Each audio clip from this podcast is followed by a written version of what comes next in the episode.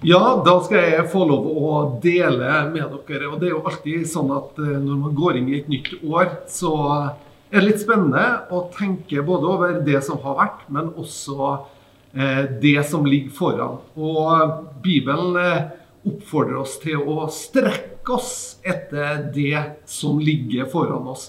Og gjør det faktisk motsatt også, og si at vi bør glemme det som er bak oss. I hvert fall ikke ergre oss over det men eh, leve livet framover og leve livet eh, inn i det, den tida som ligger foran oss. I dag så har jeg tenkt å dele med deg litt sånn som jeg sa. Eh, litt om hvordan du og jeg, og kanskje vi også som kirke, kan ta imot den neste sesongen i livet vårt. Det neste som ligger foran oss. Det står et eh, spesielt eh, vers i eh, Danielsboka. Der står det at Daniel sier til sine venner når han, når han får åpenbart en drøm, så sier han det at Gud, han er den som skifter tida og årstida, eller tider og stunder, tider og sesonger. Gud er altså en som står med oss i det at tidene endrer seg, og at sesongene forandrer seg i våre liv. Grunnleggende så tror jeg at det er sånn at de aller fleste av oss vi har en sånn inneboende motstand imot all type forandring. Vi liker det som er trygt og godt, det som er kjent, det som vi på en måte vet noe om. Det er litt sånn Det er naturlig at det er det som er det trygge for oss. Men eh, og, og, jeg tenker jo også at Grunnen til det er jo gjerne at vi trives godt med det. Vi, vi har det forutsigbart, og, og, og, da er liksom alt greit. Eh, men noen ganger så tror jeg også at eh, forandring kan være noe som medfører noe godt for oss. Og at vi går inn i noe som kanskje er uvisst til å begynne med, men samtidig så er det også der mulighetene kan åpne seg for oss. Eh, vi ser at eh, tider og omstendigheter, når de skifter og forandrer, forandrer, seg, så kommer vi inn i nye sesonger i livet vårt. Det finnes tider av forandring som er helt nødvendig. Noen ganger tenker jeg at kanskje man er i en arbeidssituasjon som er svært krevende eller som er skadelig. Man kan også være i relasjoner som kan være skadelig. Man har kanskje en kjære som man kjenner at det her er faktisk ikke noe å bygge på.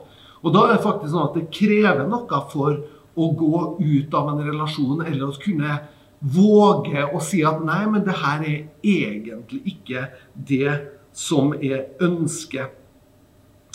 Eh, og risikoen er faktisk at vi står for lenge i situasjoner eller i ting som vi ikke burde stå i. Bare fordi at det er kjent og det er en følelse av at her føler vi oss litt hjemme. Noen ganger kan man faktisk også som menneske føle seg hjemme i ting som slettes ikke er bra for oss. Så Derfor så er det noe med å våge å strekke seg videre og våge å eh, ville ha tak i noe. Men det er krevende for oss. Eh, men sjøl om det er krevende, så tenker jeg at vi må kunne gripe nye muligheter og gripe nye sesonger. Det som kreves for å gripe en ny sesong i livet, det er mot, det er tro, og det er også ønske og vilje til forandring. Vi skal se på noen historier fra Bibelen som omhandler det her. Og en som er et skikkelig forbilde på det. Det er faktisk Josef. Josef han møter vi når han er, har det veldig bra. Han er hjemme hos familien sin. Han har det veldig bra. Er pappa som er veldig glad i ham, og, og, alt ser ut som det skal gå hans sin vei. Plutselig så kommer det ei omskifting i hans sitt liv som eh, er ganske traumatisk, vil jeg tro. Han blir solgt av sine egne brødre som slave til Egypt. Og der møter vi Josef som egentlig en drømmer, som en positiv tenker, og som vil opp og fram og vil se mulighetene, plutselig så befinner han seg i en situasjon der han sjøl er solgt som slave. Eh, men det som vi ser i hans liv, det er at han strekker seg fra den ene sesongen og inn i den neste sesongen.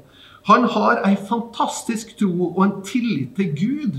At Gud faktisk eh, har oversikten mer enn han sjøl har. Så Derfor så velger han å ta imot den nye sesongen. Når han da blir slave i eh, Potifars hus, som er en hærfører av farao, og som har ansvaret for livvaktgarden og sånn hos farao, som er ganske tett på det her, så gjør han det beste ut av den situasjonen. Og Potifar, som eh, ser denne unge mannen, ser at denne er jo tilliten verdig. Og etter hvert så setter han den over hele sitt hus. Og hør hva det står her. Og denne historien er henta fra første Mosebok 39. Og der står det Og Herren var med Josef så alt lyktes for ham. Han ble i huset hos sin egyptiske herre. Hans herre så at Herren var med ham, og at Herren lot alt det han gjorde, lykkes i hans hånd. Josef fant velvilje hos ham og ble tjeneren hans, og han satte ham over hele sitt hus. Alt det han hadde, ga han i hans hånd, og det skjedde så at fra den tiden egypteren satte ham over sitt hus, over hele sin eiendom, velsignet Herren egypterens hus for Josefs skyld. Herren, herrens velsignelse var over alt det han hadde, i huset og på marken. Dette er jo en fantastisk sesong som Josef gjør det beste ut av. Selv om du er slave, så gjør han det beste ut av det. Og så ser vi hvordan han vokser inn i en ny sesong, og hvordan han vokser også som menneske til å kunne eh, ta ansvar og til å kunne bære byrder av ansvar.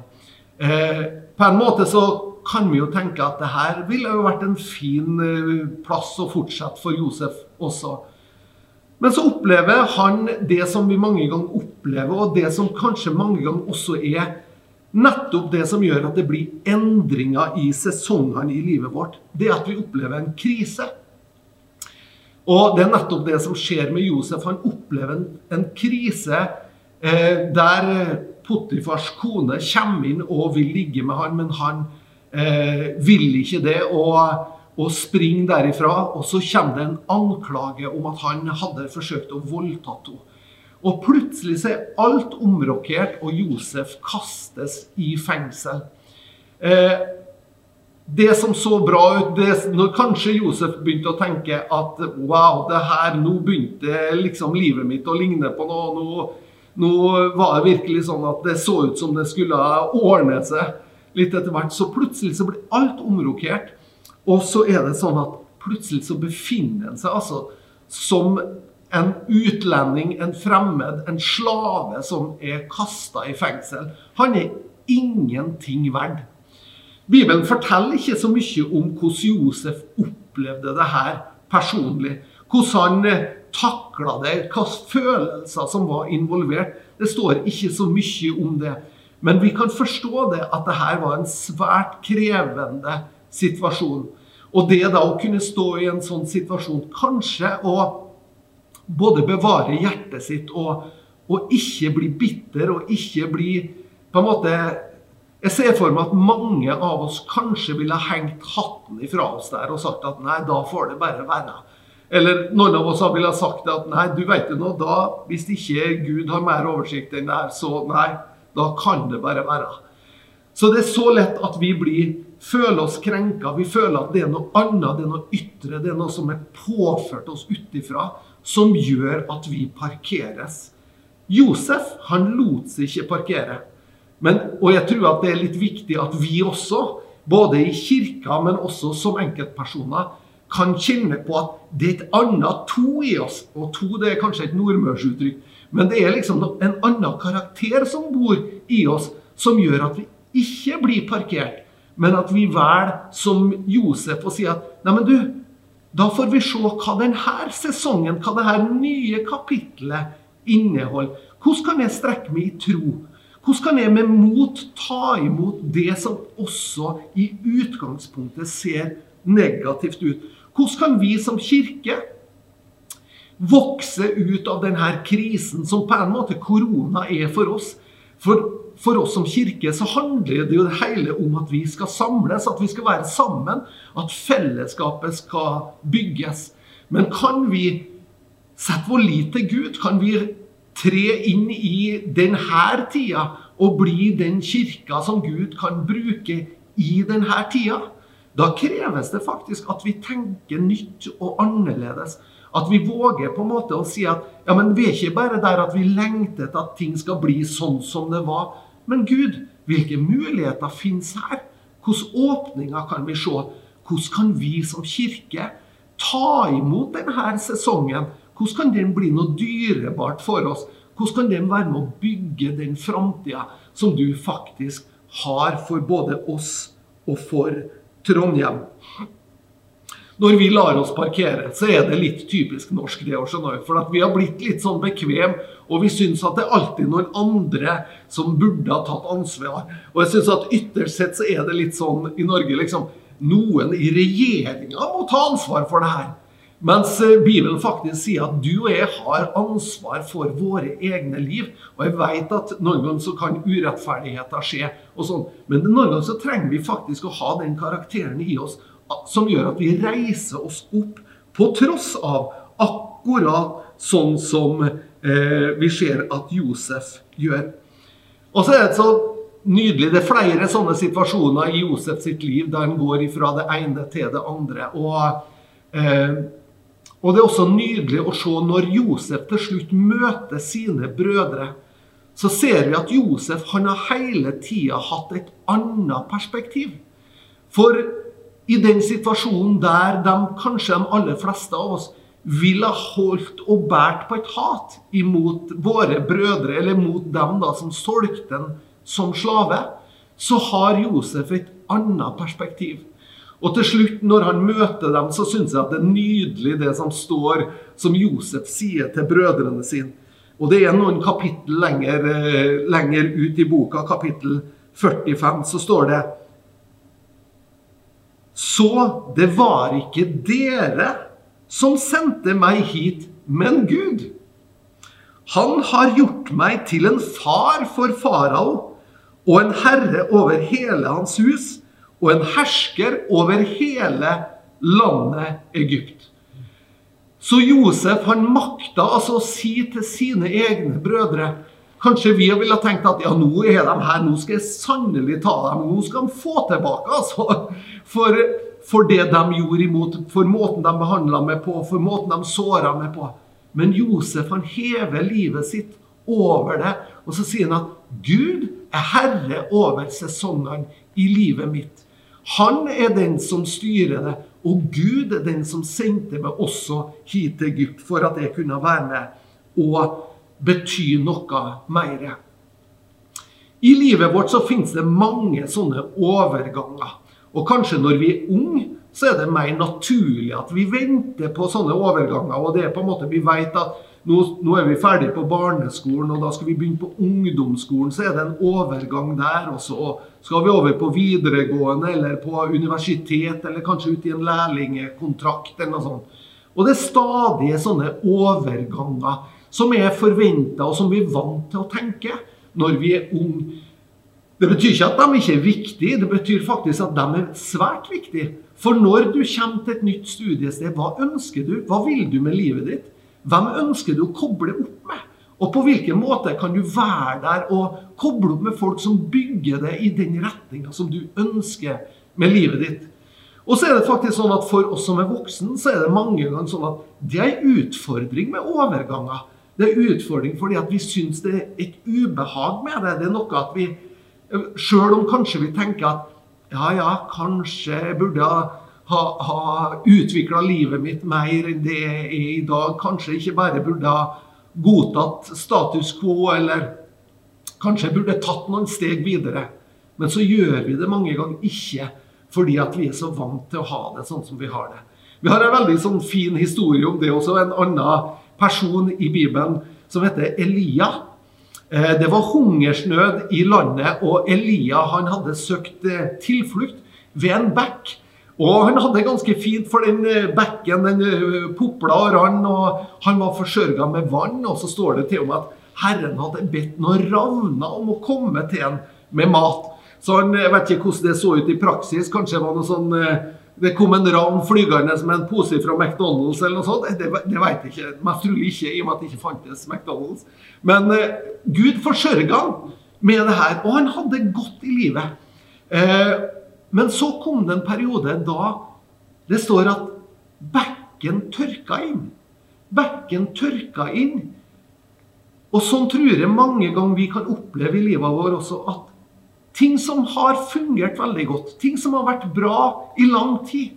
Plutselig så er det en annen opplevelse. Plutselig er det en sånn opplevelse av at det her gir ikke det samme. Det gir ikke den samme tilfredsstillelsen. Det gir ikke samme, samme utfordringa. Eller det gir ikke riktig det samme lenger. Hva er det her?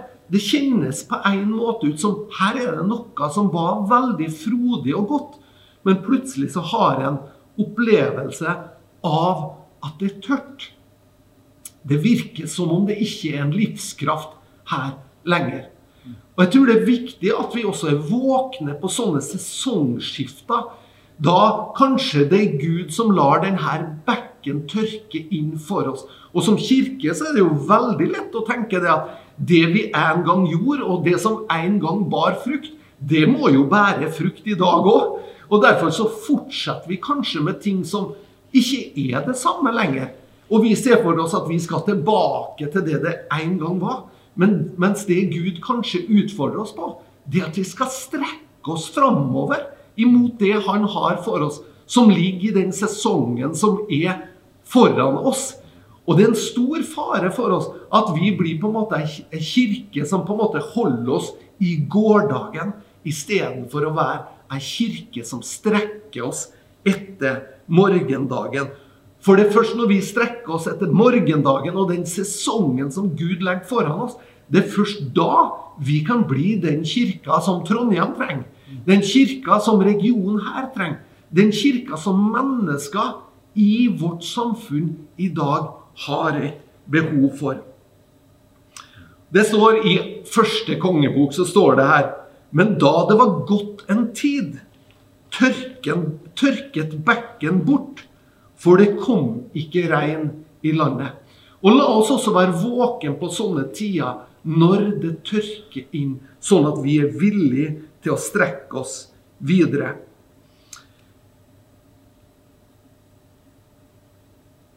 Det som også er fantastisk i den historien om Elia, det er at Herren tar det til om noe nytt. Så det er ikke bare sånn at Gud lar bekken tørke inn, og så er den stille. Men Herren tar det til Elia om noe nytt. Hva tar det Herren til deg? Hva tar den til deg i din lengsel? I det du tenker på, i det du egentlig drømmer om? Fins det ting som er nedlagt i det som du ikke har sett enda? Kan det være noe nytt som ligger der? Det er så at Herrens ord kom til Elia. Og hør, det er så nydelig, det som, det som står.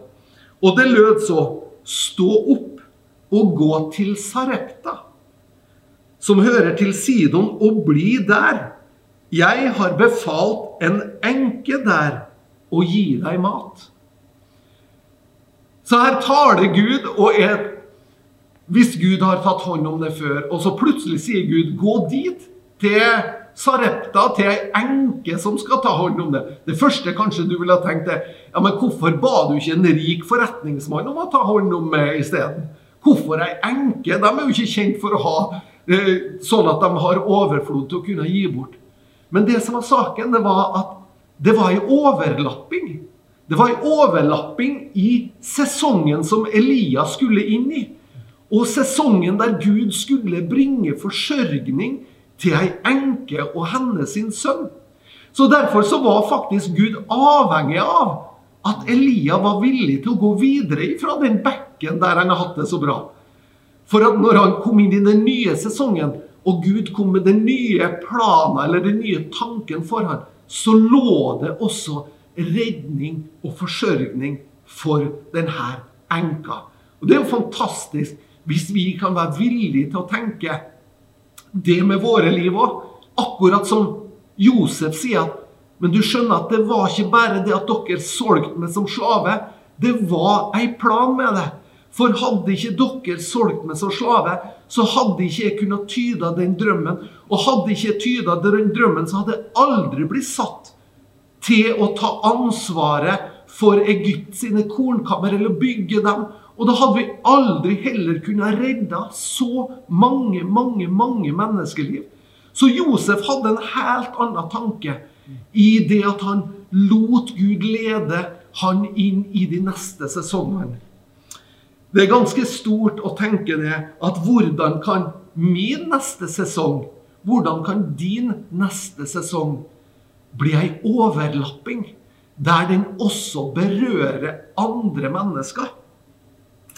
Herren lar sesongene sammenfalle Elias sin neste sesong sammenfaller med enkas redning og forløsning. Her er vi avhengig av hverandre. Vi er avhengig av fellesskapet. Han er den gode hyrde, og han leder oss når vi hører hans røst. Så hva taler Gud til det? Til Elias og talte om at neste steg var ei enke. Hva tar den til det? Hva legger han i ditt hjerte? Hva legger han i dine tanker? Hvordan åpner han neste sesong for det? Hvem er egentlig herre over sesongene? Jo, vi leste i begynnelsen her, så leste vi at han er den som omskifter tida og sesonger. Så da må vi altså våge å tenke at Gud, han er herre over sesongene.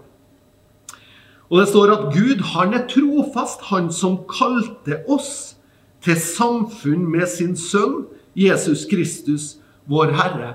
Han er trofast imot oss, han som kalte oss. Vi kan legge våre planer i hans hender. Vi kan legge våre veier i hans hender. Og så vil han være trofast imot dere. Og det står På en annen plass så står det i første Tesalonikerbrev så står det Han er trofast som kaller dere, han skal gjøre det. Og det er godt for oss å tenke at vi kan ta imot ifra Gud både ledelse, både veiledning. Vi kan også ta imot evnen til å tåle motgang, tåle nederlag, tåle kanskje det som er krevende for oss. Hvis vi har en tro på at han løfter oss inn i det nye som ligger foran oss. Men det kreves en endringsvilje. Det kreves en jeg kaller det noen gang for endringsglede. At vi istedenfor å føle oss trua av det som er nytt og annerledes og fremmed, så kan vi føle at vet du noe, det her gleder vi oss over. Fordi at jeg har en tillit, akkurat som Josef, akkurat som Elia, så har jeg en tillit til at Gud er herre over den sesongen jeg skal inn i. Og derfor så våger jeg å stole på Han i det. Derfor så må vi være fleksible som kirke og som enkeltpersoner til å kunne ta imot Guds neste sesong for livet vår. Om du er her og du hører på i dag, og du ikke kjenner Jesus personlig, eller du på en måte ikke har gjort det her til en del av ditt liv, så vet jeg at det er den største det er den største game changeren i et menneskes liv. Det er når et menneske tar imot Jesus som sin herre og frelse. Da blir det et nytt paradigme. Da er det absolutt et skifte. Bibelen sier det så kraftig at den sier at alt det gamle er forbi. Se, alt har blitt nytt. Det er en fantastisk mulighet for oss mennesker det å kunne komme til Gud og si jeg ønsker faktisk å ta imot muligheten til å kunne starte på nytt. Til å få nye blanke ark. Til å kunne starte mitt liv på scratch igjen. Selv om, selv om ikke alt blir forandra, eller ikke alle korta blir delt ut på nytt, så er det i alle fall en, på en måte en ny sjanse der vi løftes inn i livet på nytt. Og jeg har lyst til å bare oppfordre det. For det står at han, han tar imot alle som påkaller Han. Det betyr at han er aldri lenger unna en eneste en av oss enn ei bønn. At vi påkaller hans navn. Kanskje for det er det så enkelt som å si 'Jesus, her er jeg'. Eller du kan si 'Jesus, jeg trenger det i livet mitt'. Det er ikke magisk i akkurat hva du sier eller hvordan du uttrykker det. Men det som er fantastisk, det er når du åpner den døra. Du åpner, om du åpner døra på vidt gap, eller om du åpner på gløtt inn til tro, så vil han være der. Så vil han løfte livet ditt inn i en ny sesong. Jeg har lyst til at vi skal avslutte denne eh, lille seansen vi har hatt, og bare be til Gud sammen. Jeg takker deg, Herre Far, for din godhet over alle mennesker. Den godheten som du lengter etter å vise alle mennesker. Jeg ber om at den godheten skal treffe oss gjennom denne enkle YouTube-sendinga i dag. Jeg ber om at den godheten skal løfte oss over hinder og kneiker, vanskeligheter som har satt seg i sjelslivet vårt, der vi har blitt skuffa på mennesker. Jeg ber om at den godheten skal berøre oss i kroppene våre, Herre. Takk at du berører lunger, du berører nervebaner, Herre. Du berører nakka som er stiv, Herre. Du berører mennesker i dag nå som hører på denne sendinga. Takk for din godhet, Herre, inn i ekteskap der de sliter, Herre. Inn i ting som har vært krevende over tid. Jeg ber om at din godhet skal treffe oss, Herre. Og så ber jeg, Herre, om at du skal løfte oss inn i en ny sesong, Herre. Og at vi skal evne å se din hånd inn i den nye sesongen. I Jesu Kristi navn. Amen. Amen. Tusen takk for at du var med oss og så på. Gud velsigne det. Og nå skal vi avslutte med en herlig sang her til slutt. Følg med oss også neste søndag, og så hold det oppdatert som en Trond Inge sa på det som skjer framover i kirka.